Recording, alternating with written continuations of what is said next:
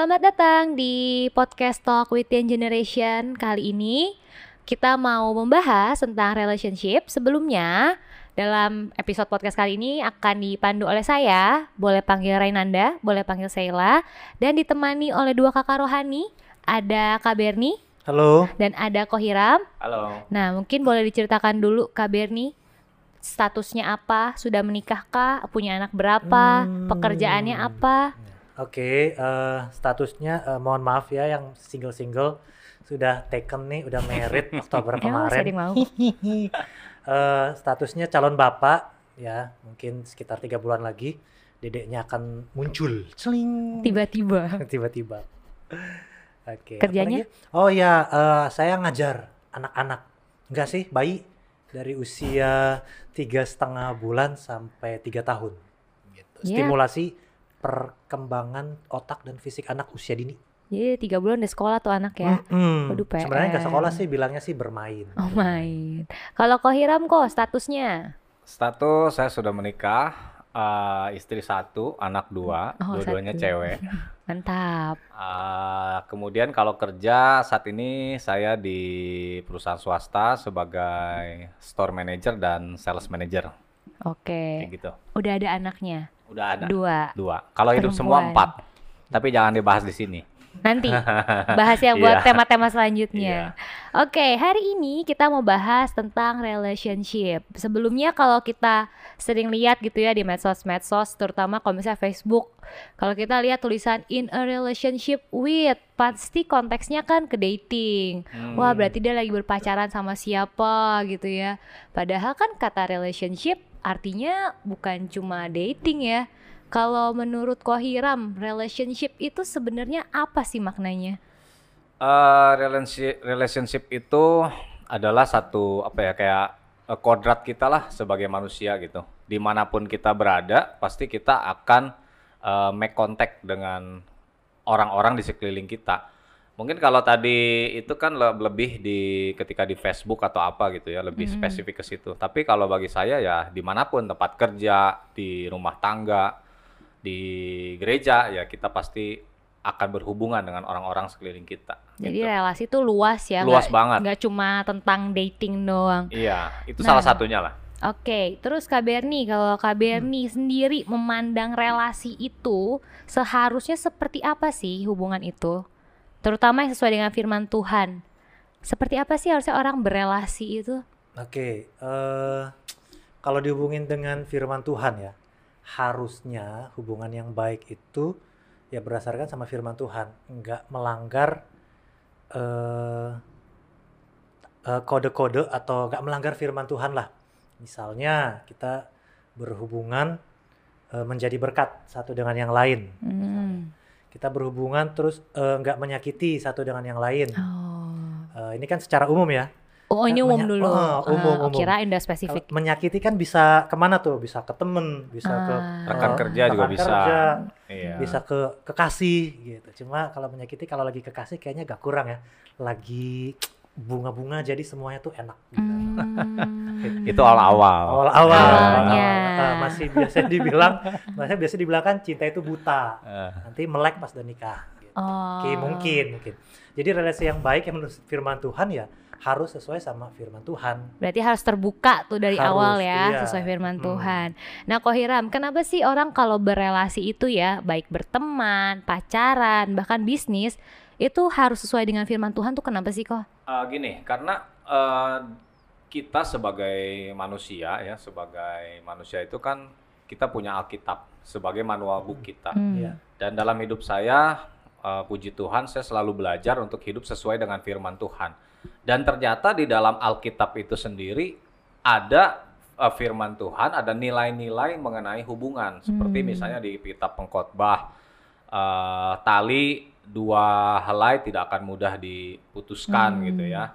Terus juga sungguh alangkah baiknya, sungguh alangkah indahnya bila saudara seiman hidup dalam kerukunan persatuan. Hmm. Jadi kenapa kita harus sesuai dengan Alkitab? Karena eh, bagi saya pribadi, Alkitab ini adalah firman Tuhan itu sendiri dan satu pedoman atau misalnya bi- dibilang primbon atau manual book kita yang terbaik.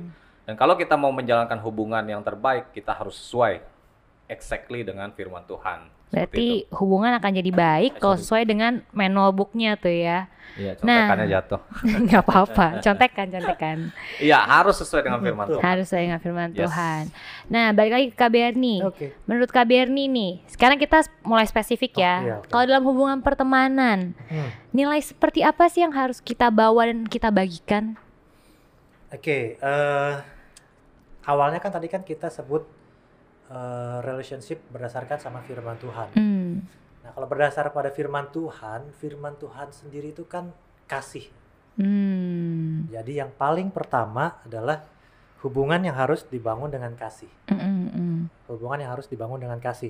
Kenapa? Karena di 1 Yohanes 4. hmm, Sekarang kita mulai Wih. lihat-lihat ayat Contekan. Mulai Alkitab. Alkitab. kita biar. Biar contekannya kepake. udah Karena disiapin. Udah disiapin dengan sungguh-sungguh. Oke, 1 Yohanes 4 ayat 20. Jikalau seorang berkata aku mengasihi Allah dan ia membenci saudaranya, maka ia adalah pendusta. Karena barang siapa tidak mengasihi saudaranya yang dilihatnya, tidak mungkin mengasihi Allah yang tidak dilihatnya. Jadi sederhananya kalau kita nggak bisa mengasihi sesama kita, Hmm. teman, eh, keluarga, rekan kerja, eh, kekasih, pasangan hidup, udah pasti kita nggak mengasihi Tuhan, jelas karena ini Hmm. bukan bukan bukan saya ngomong, ini firman Tuhan yang ngomong. Gitu. Jadi jelas yang pertama kita harus beralaskan dengan kasih. Kemudian eh, nilai-nilai berikutnya adalah kita harus jujur. Hmm. jujur. Kayak lagu tuh, kan nggak boleh nyanyi. Jangan. Eh, jangan jangan. Oke. Hampir lepas. Jujur, kayak Amsal 11 ayat 3 nih, orang yang jujur dipimpin ketulusannya, tetapi pengkhianat dirusak oleh kecurangannya. Hmm. Jadi ketika kita jujur, kita tulus. Gitu. Ini sekali lagi Alkitab yang bilang nih. Nah, kalau orang yang jujur dipimpin ketulusannya. Ketika kita jujur, kita tulus. Kita tulus sama Mhm. rekan-rekan kerja kita, sama teman-teman kita. Nggak cari muka sana sini, terima apa adanya gitu. Terus ya jujur yang paling eh, paling utama ya jujur sama diri sendiri dan jujur sama Tuhan, sama Tuhan Yesus. Yang terakhir itu rendah hati. Hmm. Hmm, rendah hati karena di Amsal nih dibilang nih jika keangkuhan tiba, tiba juga cemooh. Tetapi hikmat ada pada orang yang rendah hati gitu. Hmm. Jadi ketika kita rendah hati, kita bergaul, berrelationship menggunakan hikmat. Hikmat itu apa ya? Pikirannya pikirannya Tuhan Yesus Yes. seperti yang Hmm. Pak Paulus sering bilang kan hikmat adalah pikirannya Tuhan Yesus. Jadi Hmm. itu keren banget ketika kita berrelationship menggunakan hikmat, menggunakan pikirannya Tuhan Yesus. Jadi Hmm. tiga poin itu sih menurut saya yang nilai-nilai yang ya paling nggak harus ada lah dalam sebuah hubungan. Jadi tiga itu ya, kasih, Hmm, jujur, kasih, rendah jujur, hati. rendah hati. Nah, Kohiram, nih aku mau tanya spesifik kalau dalam Hmm. hubungan bisnis. Karena kan Kohiram yang udah lebih lama berpengalaman. Iya. Kalau dalam hubungan bisnis gitu ya, Ko, nilai apa sih yang paling penting selain jujur itu tadi? Eh, dalam hubungan bisnis itu yang pasti kan sebelum kita memulai bisnisnya kita harus cocok dulu sama orangnya Hmm, hmm, hmm. yaitu jadi eh, kalau kita nggak cocok sama orang yang kita ada dalam lingkungan bisnis kita akan sulit untuk menjalankan bisnis Hmm, hmm. jadi eh, nilai-nilai yang perlu kita jalin dengan rekan bisnis kita itu eh, ya tadi integritas ya. Hmm. Jika ya katakan iya, jika tidak katakan tidak. Jadi kita harus jadi orang yang punya integritas ketika berhubungan dengan rekan bisnis kita. Entah itu eh, dengan supplier misalnya dengan konsumen, dengan partner bisnis kita itu penting sekali. Hmm. Karena eh, kalau sampai kita tidak bisa punya integritas, itu akan sulit dalam menjalankan bisnis. Kemudian juga eh, dalam membangun relasi itu kita mesti kalau tadi kan yang Bernie bagikan itu esensialnya gitu ya. Kalau saya mungkin Hmm. hal sederhana seperti dalam kitab Yakobus katakan hendaklah kita eh, lambat untuk marah. Hmm, Artinya hmm, menjalin hubungan itu jangan kita mudah tersinggung, jangan kita eh, mudah marah gitu hmm, hmm, hmm. don't sweat with small stuff lah gitu. Hmm. Jangan jangan kita berurusan dengan hal-hal sepele kita besar-besarkan. Terus juga harus ada kepercayaan satu sama lain. Juga eh, jangan terlalu banyak bertentangan gitu. Jadi nanti ketika kita menjalin bisnis dengan rekan bisnis bahkan dengan konsumen dengan siapa pun pasti akan banyak hal yang kita tuh bisa bertentangan. Iya. Kita mesti punya hikmat hal-hal seperti itu tuh jangan di blow up gitu. Hmm. Tapi kita mesti lebih ya rendah hati menyikapi bagaimana cara kita em, menyampaikan ide kita Mm-mm. gitu ya karena namanya dua kepala saat ini saya juga sedang ada bisnis saya lagi merintis bisnis tiga ke- tiga kepala saya Hmm. sama dua rekan kerja saya gitu ya kalau di situ nggak ada kerendahan hati ya apa pengennya debat terus gampang marah wah itu nggak akan jalan gitu. Jadi ya saya bersyukur bahwa eh, firman Tuhan itu banyak mengajarkan kita gitu mengenai apa yang harus kita lakukan dalam hubungan bisnis. Itu mungkin sebagian lah tapi masih banyak lagi. Wah ini aku belajar banget sih karena banyak hal yang sering kali nggak setuju tuh rasanya kalau nggak didebat belum puas gitu. Tapi iya ternyata perlu tahan-tahan juga gitu tahan-tahan ya. dulu. Hmm. Jadi semakin kita belajar ya untuk ketika ada konfrontasi itu kita ibarat cari jalan tikus lah gitu. Jadi kita Hmm, hmm, iyain dulu gitu ya. Terutama untuk hal-hal yang gak terlalu prinsipil, hmm. itu ada baiknya kita eh, cooling down lah gitu. Tapi kalau untuk hal yang prinsipil kita bisa fight, tapi caranya itu kita minta minta hikmat sama Tuhan gitu. Hmm, Supaya oke. segala suatu bisnis yang kita jalanin ini sesuai dengan firman Tuhan, intinya ke situ. Nah sama tadi aku tertarik banget nih. Kan tadi Kak Berni bilang nilai kejujuran. Terus Kohiram bilang bahwa kita harus saling percaya. Tapi kan sering kali ketika kita bangun relasi gitu ya baik berteman bisnis atau walaupun pacaran itu tadi kan sering kali misalnya ada hal-hal tertentu yang sebenarnya eh, kita tahu nih apa yang benarnya. Tapi menurut kita wah kayaknya nggak usah dikasih tahu ke dia deh. Nanti kalau dia tahu mungkin niat kita sebenarnya baik gitu ya kalau nanti kita kasih tahu dia jadi kepikiran nanti dia jadi khawatir nah itu gimana tuh kabarin dulu deh Oke, eh, kalau kita tahu kebenaran tapi kita nggak kerjakan atau kita nggak katakan atau kita nggak kasih tahu ke orang, sebenarnya ya itu kurang tepat gitu. Hmm, Cuman hmm, mungkin kita juga mesti kita lihat gitu loh keadaannya, hmm. kondisi orangnya seperti apa. Misalnya temannya nih eh, lagi susah, sebenarnya dia salah gitu loh. Dia harusnya misalnya harusnya mengerjakan firman Tuhan, tapi keadaannya mungkin saat itu kayaknya kurang kurang tepat gitu loh untuk kita kasih eh, firman Tuhan mengatakan kepadamu kamu hal enggak enggak gitu juga mungkin yang yang yang waktu itu yang saat itu dia butuhkan adalah support ya mungkin waktu itu yang yang Hmm. dibutuhkan adalah eh, dukungan gitu. ketika dia mulai Hmm. tenang oke nih ini udah mulai bisa nih eh gue masukin ini kebenaran firman Tuhan dia harus tahu Mm-mm. pokoknya gimana caranya eh harus kebenaran itu harus di, dikatakan harus dikasih tahu ke orang lain Hmm. tapi jangan sampai juga jadi eh, batu sandungan juga buat orang lain kadang motivasi kita eh, baik tapi mungkin caranya kita salah mungkin kita punya pengetahuan Hmm. tapi cara menyampaikan pengetahuan kita tuh kita tidak berhikmat gitu ya. itu juga mungkin kurang Hmm. tepat sih menurut saya Berarti itu lagi tadi ya balik lagi ke hikmat itu ya berrelasi itu Hmm. kita perlu hikmat untuk baca situasi nih kapan waktu yang tepat. Nah kalau tadi kita ngomongin nilai-nilainya nih yang bisa kita bawa. Nah sekarang orang seperti apa karakteristik orang seperti apa sih yang bisa kita jadiin teman atau jadiin partner bisnis atau jadiin kekasih. pasangan pasangan. Kok Hiram dulu deh. Karakter orang seperti apa sih kok yang cocok? Kalau saya nih ada yang saya baca aja ya supaya nggak miss. Monggo kok. Jadi sebenarnya teman terus rekan bisnis itu kan terus kemudian bicara pasangan hidup tuh seperti ada jenjang ya. Mm-mm. Makin yang tadi saya sebutin makin tinggi tingkatannya Mm-mm. gitu.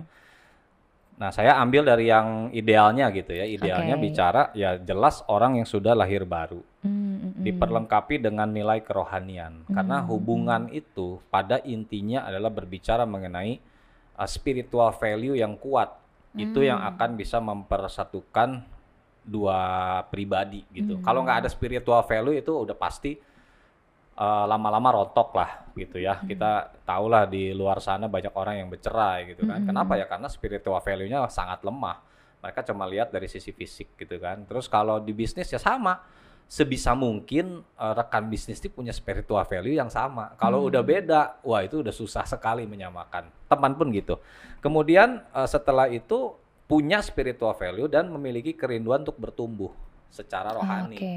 Terutama pasangan hidup ya. Sekali lagi jenjangnya makin ke bawah makin rendah, tapi yang terutama pasangan hidup harus punya kerinduan untuk bertumbuh secara rohani. Hmm. Kemudian juga eh, dalam hubungan itu penting sekali ada eh, terutama pasangan hidup ya ada pihak ketiga gitu dalam arti pembimbing rohani. Oh, Iya, kirain pihak bukan. ketiga kan. Yang ketiga pembimbing rohani. Iya, rohani. itu penting sekali. Saya sudah ngalamin dan terutama di kasus-kasus atau masalah-masalah yang sangat berat gitu ya, di mana Hmm. saya A, istri saya B. Wah, itu udah repot. Saya merasa benar, istri saya merasa benar. Itu perlu sekali pembimbing rohani. Hmm. Yang selanjutnya eh, adalah orang yang mau berjemaat dan setia untuk melayani.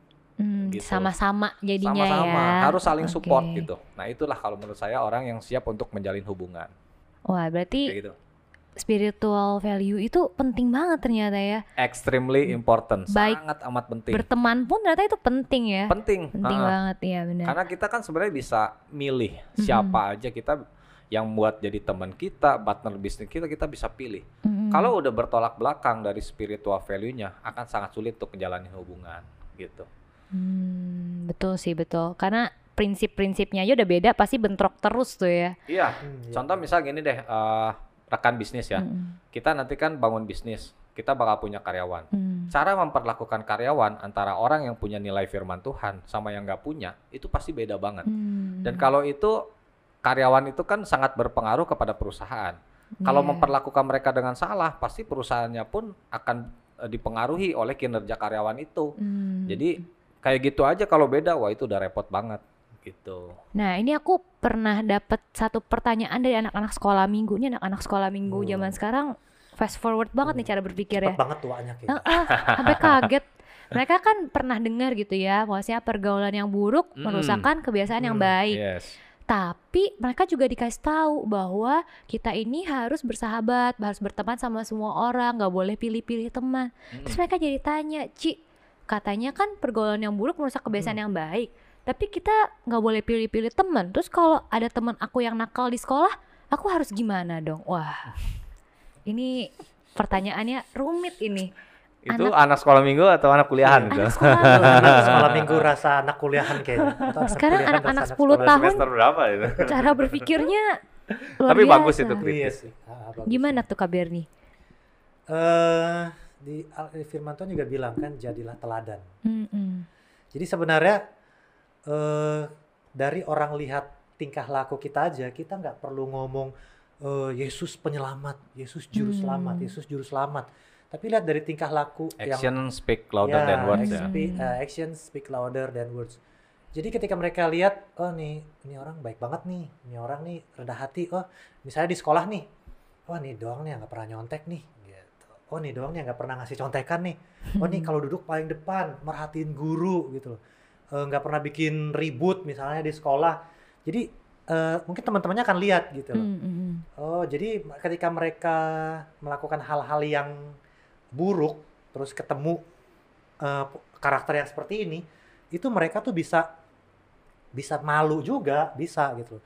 Di Hmm. metode ngajar yang yang yang saya pakai, jadi eh, metode yang kita pakai itu penciptanya bilang gini, ketika mau ngajar anak-anak, fokus sama yang udah bisa, gitu. loh. Fokus sama yang udah nggak bisa Hmm.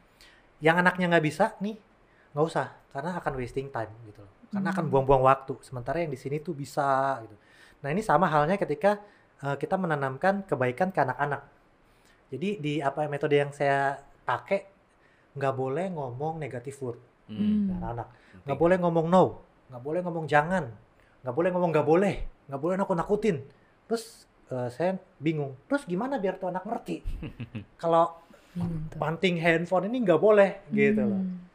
Eh, eh, ini metode saya bilang eh kasih hal yang positif sebanyak mungkin kasih hal yang positif sebanyak mungkin gitu jadi ketika eh, si anak ini melakukan banyak hal positif Mm-mm. ketika mereka menemukan hal yang negatif mereka nggak akan ngerjain gitu. Ya. Mm-mm. mereka nggak akan ngerjain sama seperti yang gini ketika kita memberikan aura yang positif contoh yang baik orang-orang yang sekitar yang biasa melakukan hal-hal yang buruk itu mereka bisa aja malu gitu Mm-mm. dan yang lebih bagusnya lagi mereka bisa bertobat gitu loh mereka bisa ngikutin tanpa kita sharing Tuhan Yesus adalah juru selamat Hmm. ayo bertobat bertobat jadi dari cukup dari tindakan dan jangan ngikutin yang buruk gitu loh kan firman Tuhan bilang kan tadi kebiasaan yang buruk merusak kebiasaan yang baik ya udah Hmm. stay aja di kebiasaan yang baik itu gitu nggak usah ngikut yang lain Ini nambah satu nilai lagi nih, berarti jadi nilai keteladanan itu penting juga Penting ternyata banget. dalam Hmm, berelasi. Hmm. Nah, Kohiram kalau nanti nih tiba-tiba lima tahun lagi anaknya Kohiram menanyakan pertanyaan yang sama, Mm-mm. kira-kira bagaimana Kohiram akan jawab? Kalau saya gini, jadi eh, apa yang saya jalani dalam dari pengalaman hidup saya ya, Mm-mm. saya sangat selektif dalam menentukan teman, sahabat, rekan bisnis, Mm-mm. apalagi pasangan hidup, karena Hmm, cuma satu Tentu. gitu ya. Jadi eh, pergaulan kalau misalnya pergaulannya buruk, Mm-mm. kalau kita bisa masuk di situ dan seperti tadi Bernie bilang bisa jadi teladan, kita stay di situ. Mm. Tapi kalau malah kita yang ke bawah, kita keluar. Karena Hmm. bagi saya pribadi, kita punya hak untuk memilih teman. Kita Oke. punya hak untuk memilih sahabat, untuk memilih rekan bisnis, dan apalagi pasangan hidup gitu ya. Tentu saja itu semua kita doakan sama Tuhan Mm. gitu. Jadi eh, harus berbuat baik, betul. Tetapi bukan berarti harus bergaul. Ah. Jadi eh, batasannya itu kita set sendiri. Ada yang Hmm. menjadi teman benar-benar teman, ada yang menjadi sahabat, gitu ya. Ada yang bahkan bukan saudara kita anggap saudara, yaitu semuanya ada di hak kita gitu. Mm. Jadi jangan sampai kita, oh kita harus berbuat baik sama semua orang. Iya betul, tapi kita nggak harus bergaul dengan dia. Kalau ah, seperti tarik tambang lah ya. Mm-mm. Kalau kita rasa menang, kita tarik terus. Mm. Tapi kalau kita rasa kalah, kita lepas dong talinya. Sama juga pergaulan gitu. Kalau kita malah ke bawah jadi buruk, kita kita tinggalin. Dan saya udah lakukan itu dalam hidup saya gitu. Mm. Dan semakin saya merit, pergaulan saya tuh udah semakin sedikit gitu. Karena dari pergaulan yang buruk, eh, pasti kita ke bawah. Sekuat apa pun kita. Kecuali kalau kita memang diutus Tuhan gitu ya Hmm, untuk hmm, ke hmm. tengah-tengah situ misalnya jadi jadi teladan jadi orang yang dipakai Tuhan untuk mempertobatkan mereka itu pun bisa terjadi itu semua kembali lagi kepada kepekaan dan hikmat kita kepada Tuhan Berarti kita dalam bergaul tuh harus peka mana yang suara Harus. Tuhan, mana yang ego kita gitu ya. iya Nah, selanjutnya kita mau bahas tentang waktu. Hmm. Nah, ini sebenarnya kayak lebih spesifiknya lebih ke pasangan hidup nih kayaknya. Semua yang ada di sini dengar? ya, dengar ya. ini, Ini topik yang tidak pernah nih. out of date Iya, ini spesifik. aduh untung saya udah nikah Untung aja. Salah. Nah, kapan waktu yang tepat untuk kita bangun satu hubungan, terutama ini pasangan hidup? Apakah ada indikatornya tertentu? Misalnya cowok-cowok biasanya kalau saya udah punya rumah sendiri, berarti saya udah ready bangun hubungan. Atau kayak cewek-cewek biasanya kalau dia udah puas main sama temen-temennya, berarti dia ready untuk bangun hubungan. Ada nggak sih indikatornya, Kak Berni? Oke. Eh indikatornya kalau misalnya apa ya? hmm, untuk masalah waktu nih, kalau Mhm. dengan eh alasan yang akan saya bilang ini waktunya relatif jadinya. Hmm. Jadi saya kasih tahu dulu alasannya adalah kalau eh, masalah pasangan hidup harus pastiin pertama ya dia eh, beda kelamin. Mm-mm. Kadang kadang ya, makasih Cing. jawabannya Nah, kadang itu kita- penting banget kadang kita ya tadinya saya pikir ini lucu ya ini pasti ntar satu studio bakal lucu nih satu studio satu ruangan bakal lucu nih ketawa gini cuman lama-lama saya pikir dunia ini mengiyakan gitu loh Hmm, iya. mengiyakan dan kita sebagai orang-orang yang memegang firman Tuhan harus straight sama yang kayak gini nggak Hmm. boleh main-main nah kedua kita harus tahu nih apakah calon kita ini calon pasangan kita ini apakah dia termasuk kita sendiri udah tahu panggilan Tuhan Nah. yang harus dikerjain itu apa Hmm. setuju It- jadi kita fokus nih nah kalau ngomongin masalah panggilan Tuhannya udah tahu apa enggak ini relatif gitu loh kok ya ada Iya. yang umur 20 tahun nih wah nih udah straight banget nih melayani Iya. Tuhan panggilnya ada yang lama banget umur 40 baru dia sungguh-sungguh itu kelamaan kayaknya Gitu. Mau Nah, kita kurangin 40 39 oke lah jadi intinya dia pasangan kita termasuk diri kita nih harus udah tahu dulu Tuhan Hmm. panggil iya lu nih mau ke mana apa yang Hmm. mau kerjain kalau fokus itu udah ada jadi nanti kita bisa jalan sama-sama sama pasangannya nih karena gini nanti tunangan mikirin aduh tunangan keluarnya duit gini berdoa Tuhan gua minta duit buat tunangan gini-gini fokus doa kita buat tunangan bukan buat jiwa-jiwa bukan buat menyebarkan firman Tuhan terus nanti mau nikah aduh Tuhan tolong gua mau nikah ini mahal banget gedung eh, eh, eh, catering belum dibayar Tuhan terus puasa puasa cuma buat memenuhi keinginan diri sendiri Hmm. fokusnya untuk melayani Tuhan lupa gitu. Karena itu akan terus-terus naik tuh. eh, tunangan butuh ini, nikah butuh ini. Ntar ada yang nikah, udah nikah ditanyain kapan punya anak Tuhan, gue pengen punya anak gini-gini nih. Jadi buyar gitu loh, fokusnya Hmm. melayani Tuhan tuh buyar. Nanti kalau udah punya anak, beda lagi. Kapan nambah? Ntar udah punya rumah, pengen punya ini, pengen punya itu, pengen anaknya udah sekolah, eh, bingung duit sekolah, eh, duit sekolah mesti bayar, mau sekolah yang di mana, itu bakal eh, ngebuyarin fokus sama Tuhan. Hmm. Nah, berdasarkan eh, pendapat saya ini, kalau dibilang waktu jadinya agak agak agak relatif gitu. loh. Hmm. Tapi kalau misalnya dibilang eh, waktu sih, saya saya kurang bisa ya untuk ngejawab masalah Hmm, waktu hmm. gimana. Cuman ukurannya itu. Dan yang pasti alasan yang lain ya paling tidak untuk yang pria ya udah punya pekerjaan tetap lah gitu. Hmm. Jadi eh, eh, eh, anak orang jangan dikasih makan cinta doang, enggak Betul. nggak kenyang dan akan terus kelaparan gitu. Betul. Cinta nanti buyar, kelaparan pisah, repot. Ya, cinta tidak harus punya kerjaan tetap. Harus punya kerjaan tetap, visinya ke depan tuh jelas gitu loh. Eh, membangun keluarga, ini keluarga mau dibawa ke mana nih? Nanti misalnya kalau misalnya dapat kekasih ditanyain, mau pacaran sama gue berapa lama? Kalau cuma pacaran lama-lama, enggak deh gitu. Hmm. Oke, gue mau nikah, nikah gini, ntar sebi- eh, nikah umur segini, eh nanti kita punya segini segini, punya rumah di sini, punya rumah. Itu juga bisa ngebuyarin lagi tuh. Fokus yang Tuhan udah kasih gitu loh, mau Hmm. ngerjain. Kalau misalnya pasangannya udah sama-sama ada fokusnya, udah jelas, itu jalannya enak. Hmm, Pasangan hmm. enak gitu loh. Karena mereka sejalan eh, menjadi pasangan istilahnya kalau eh, ada salah satu hamba Tuhan lah di Instagram yang ngepost banyak banget di Instagram dia selalu bilang pasangan ilahi istilahnya dia bilang pasangan Hmm. ilahi karena mereka sama-sama menjalankan panggilan Tuhan yang Hmm. udah ditetapkan gitu loh di mereka dan mereka jadi saling mendukung satu dengan yang lain nggak nggak ngurusin hal-hal yang nggak penting lah gitu. Hmm. pokoknya sama-sama melayani Tuhan Oke, Kohiram kan Kohiram udah pernah masuk di dalam berbagai macam jenis pergaulan nih. Ya, tahu ngomongin ini masih ngomongin waktu nih ya. ya. Pergaulan kita tuh bisa mempengaruhi waktu-waktu hidup kita nggak sih? Kok maksudnya kayak tadi misalnya kesiapan seorang kan beda-beda. Iya. Pergaulan Hmm. itu bisa mempengaruhi itu semua nggak sih? Oh jelas dong. Sebenarnya kan eh, bagaimana seseorang itu kalau saya titik beratkan tadi itu kan di hal rohani ya. Mm-mm. Kerohanian itu pertama tuh dibangun dari rumah, dari rumah dulu, Mm. dari orang tua kita. Itu yang paling valuable dan paling berharga. Hmm. Oleh karena itu saya pun sebagai seorang ayah punya kewajiban untuk memperkenalkan nilai rohani gitu. Hmm. Nah, kalau bicara soal waktu, saya setuju sama apa yang Bernie bilang, itu relatif. Hmm. Tapi eh, rasa-rasanya kalau seseorang punya keluarga yang baik dan kemudian punya pergaulan yang baik, ya tentu saja pergaulan yang baik sampai saat ini yang saya bilang tuh ya di gereja, Hmm. di mana kita di youth tergabung di youth ya, kita punya leader yang baik, kita punya eh, sesama apa eh, saudara rohani yang baik, Hmm. itu akan mempercepat kematangan rohani kita. Oke. Sebaliknya kalau kita bergaul di pergaulan yang misalnya suka clubbing ya Mhm. itu yang saya hidupi dulu lah suka clubbing suka let's say suka judi suka mabuk-mabukan merokok begadang dan lain sebagainya tua sebelum waktu itu akan menghambat bahkan eh, membuat kerohanian kematangan rohani kita semakin lama. Hmm. akhirnya ya makin lama kita dapat pasangan hidup. Karena saya toh percaya bahwa seperti tadi Benny bilang saya setuju ya. Kalau kita udah tahu panggilan kita panggilan orang kan beda-beda ya. Hmm. ada yang jadi hamba Tuhan Hmm, ada ya. yang jadi pebisnis ada yang jadi dokter guru misalnya dan lain sebagainya.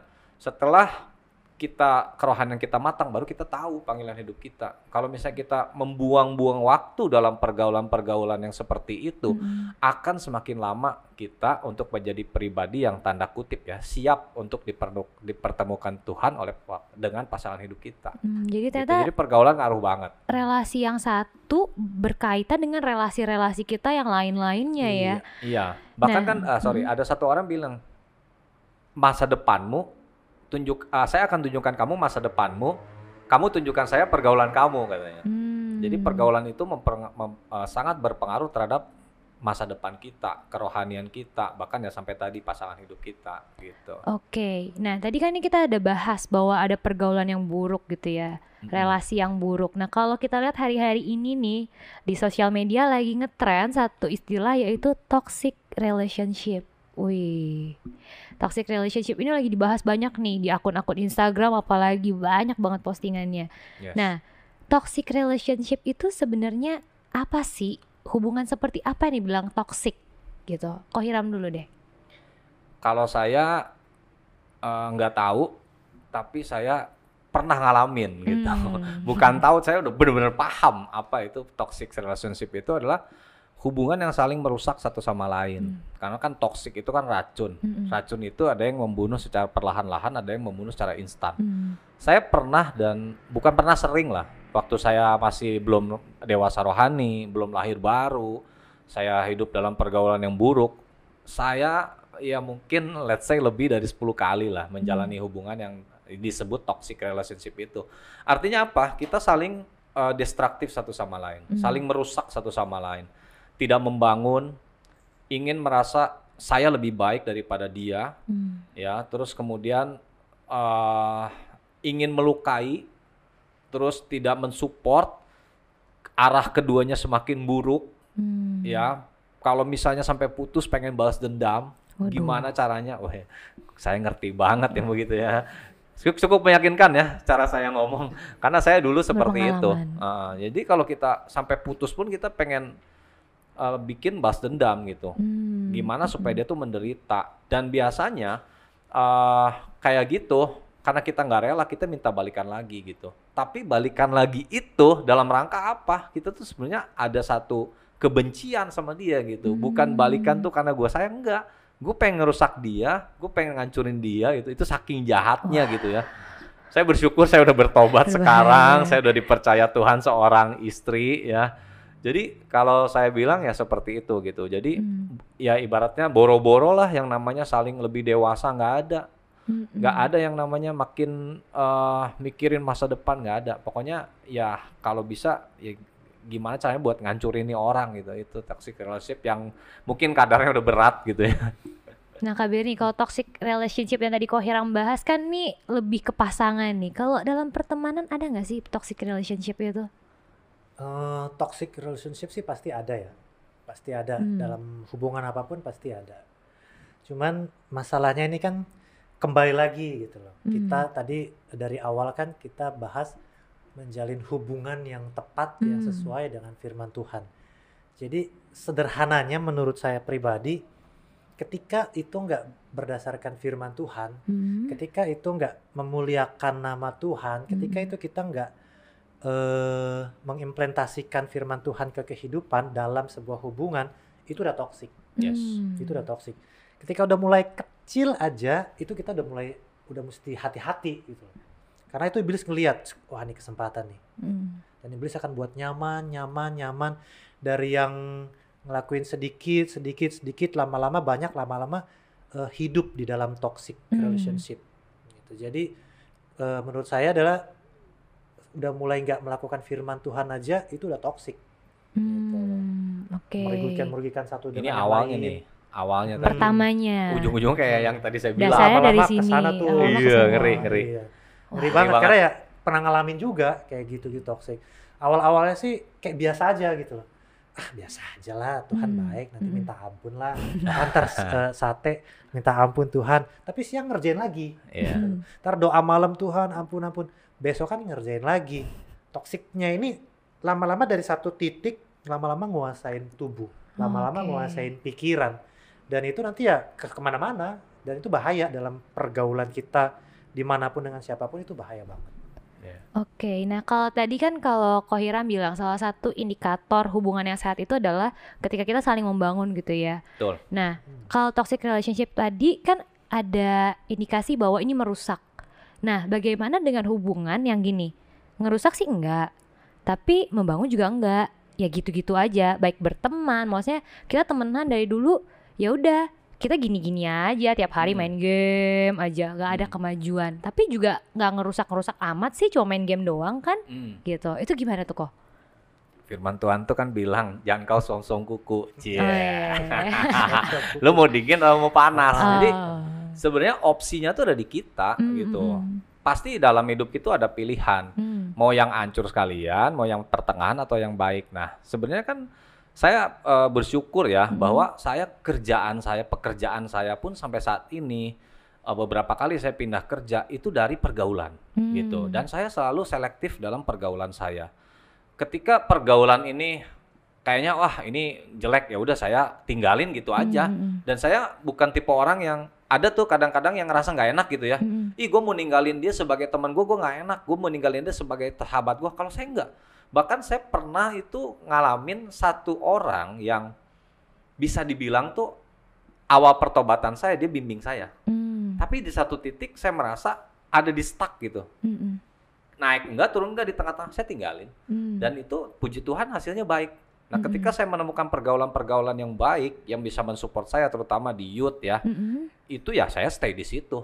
Jadi saya nggak mau yang Hmm. tengah-tengah, saya nggak mau yang bawah, saya mau yang atas. Pasti itu ada kalau kita doa, kita uh, selektif minta sama Tuhan pasti itu ada.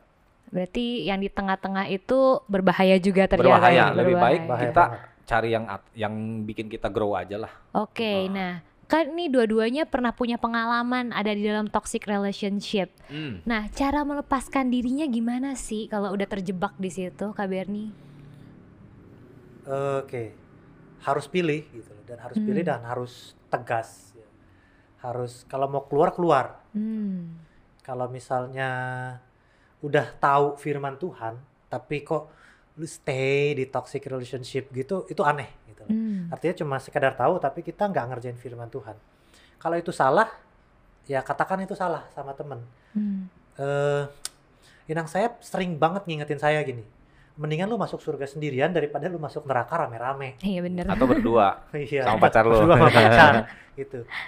Karena gini loh, makin ke sini nih dunia makin kejam, orang makin cinta diri sendiri. Eh, Mereka bisa dengan gampang bilang kayak, ah lu so suci gitu. Hmm. Ah lu ngapain lu doa gitu. Udah jalan sama kita.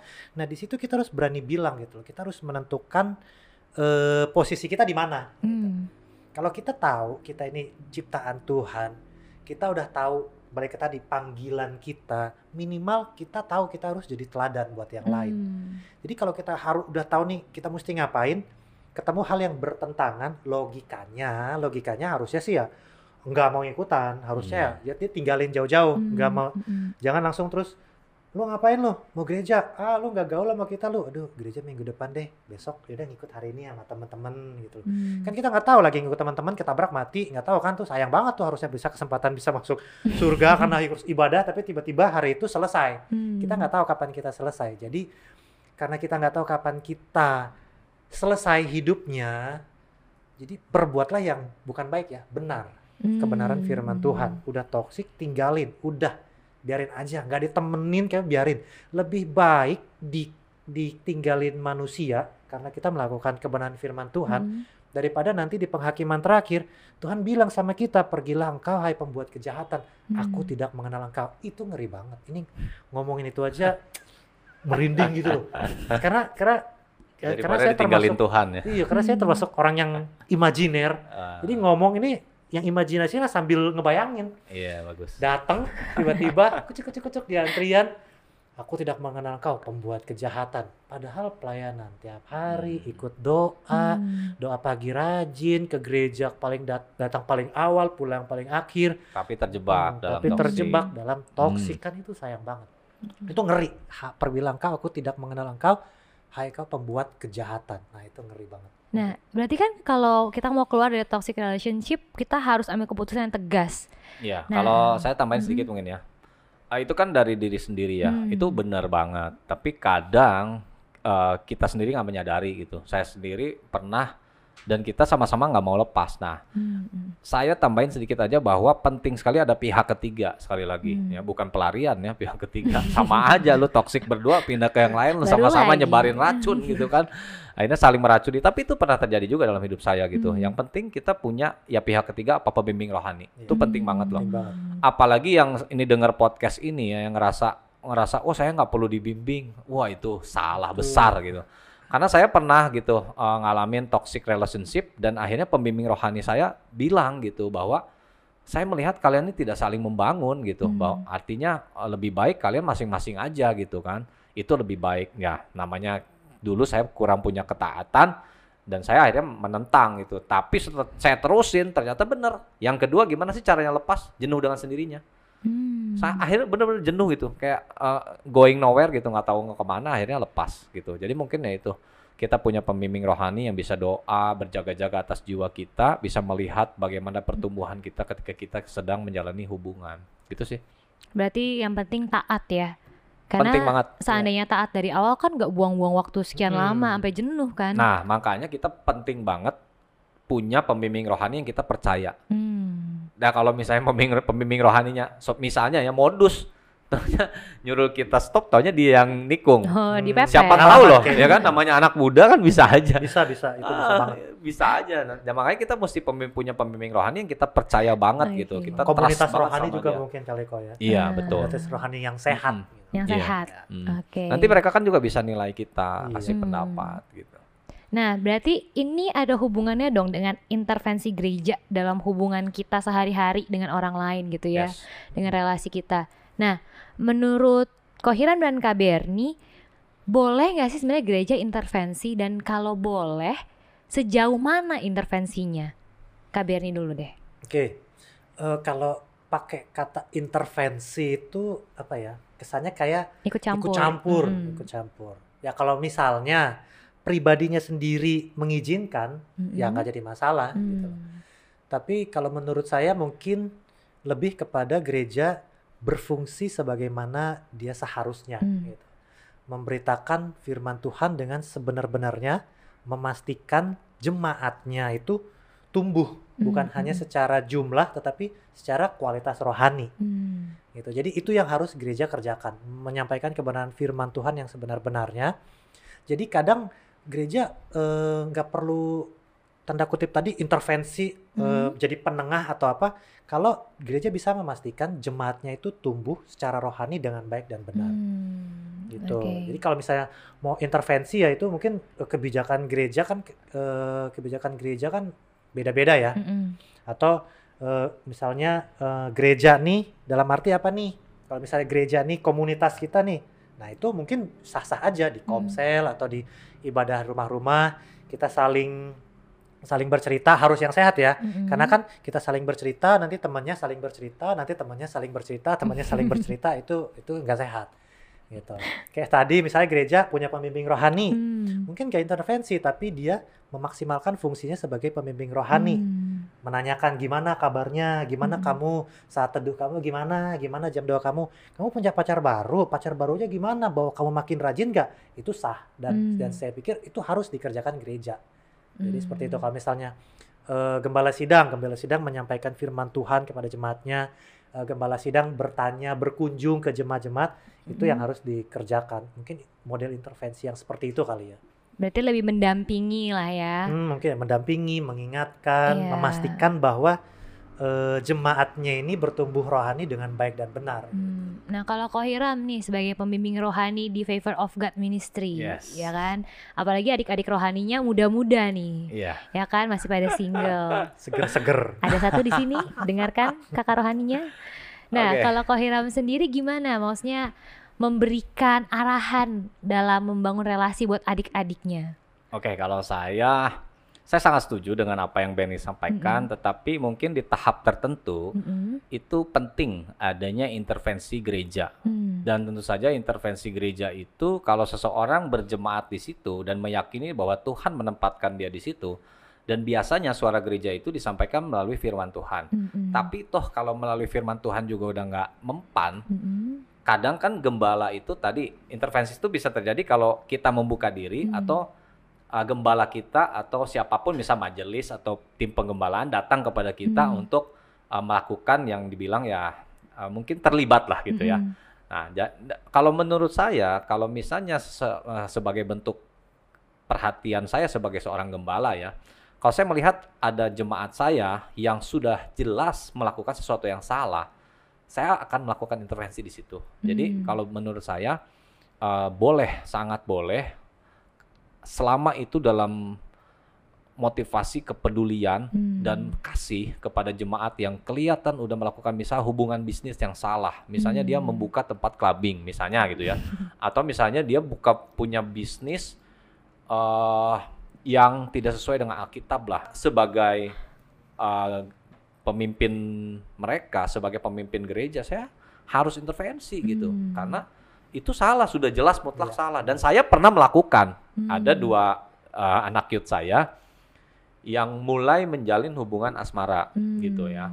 Dalam dan saya melihat bahwa eh, Tuhan kasih kepekaan bagi saya itu berbahaya Hmm. karena ya saya nggak harus ceritain detail ya. Saya lihat itu berbahaya, saya langsung bilang gitu bahwa sebaiknya kalian doakan dahulu, Hmm. jaga jarak dahulu gitu ya. Jangan kalian terburu-buru gitu kan. Dan puji Tuhan mereka taat gitu. Hmm. Taat dan ya itulah salah satu bentuk intervensi yang saya lakukan. Kalau saya melihat ada kepekaan yang yang Tuhan kasih bahwa hubungan itu entah itu bisnis ya kan bahkan juga ada orang yang ketika mau melakukan bisnis kan tanya dulu sama gembalanya Iya. doain dulu ya. Jadi intervensi itu menurut saya boleh dilakukan sampai sebatas apa? Menegur Mm-mm. melalui firman. Kadang-kadang juga kan firman tuh menegur kan itu, Iya. itu suara Tuhan juga. Atau ki- eh, kita datang langsung atau misalnya gembala minta waktu kita datang atau sampai eh, menyarankan untuk stop gitu. Hmm. Kalau bagi saya itu kalau saya bahkan mungkin bersyukur gitu.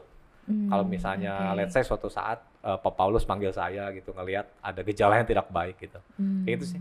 Setuju. Oke, berarti wah dari obrolan kita hari ini aku juga belajar banyak banget sih. Ternyata dalam bangun relasi itu yang paling penting adalah relasi kita sama Tuhan dulu ternyata justru ya. Kerohanian kita itu penting Iya, banget. Semakin kita peka dengan apa kata Tuhan, maka relasi kita sama sekeliling kita pun akan jadi baik gitu ternyata Betul, ya. apalagi pasangan hidup.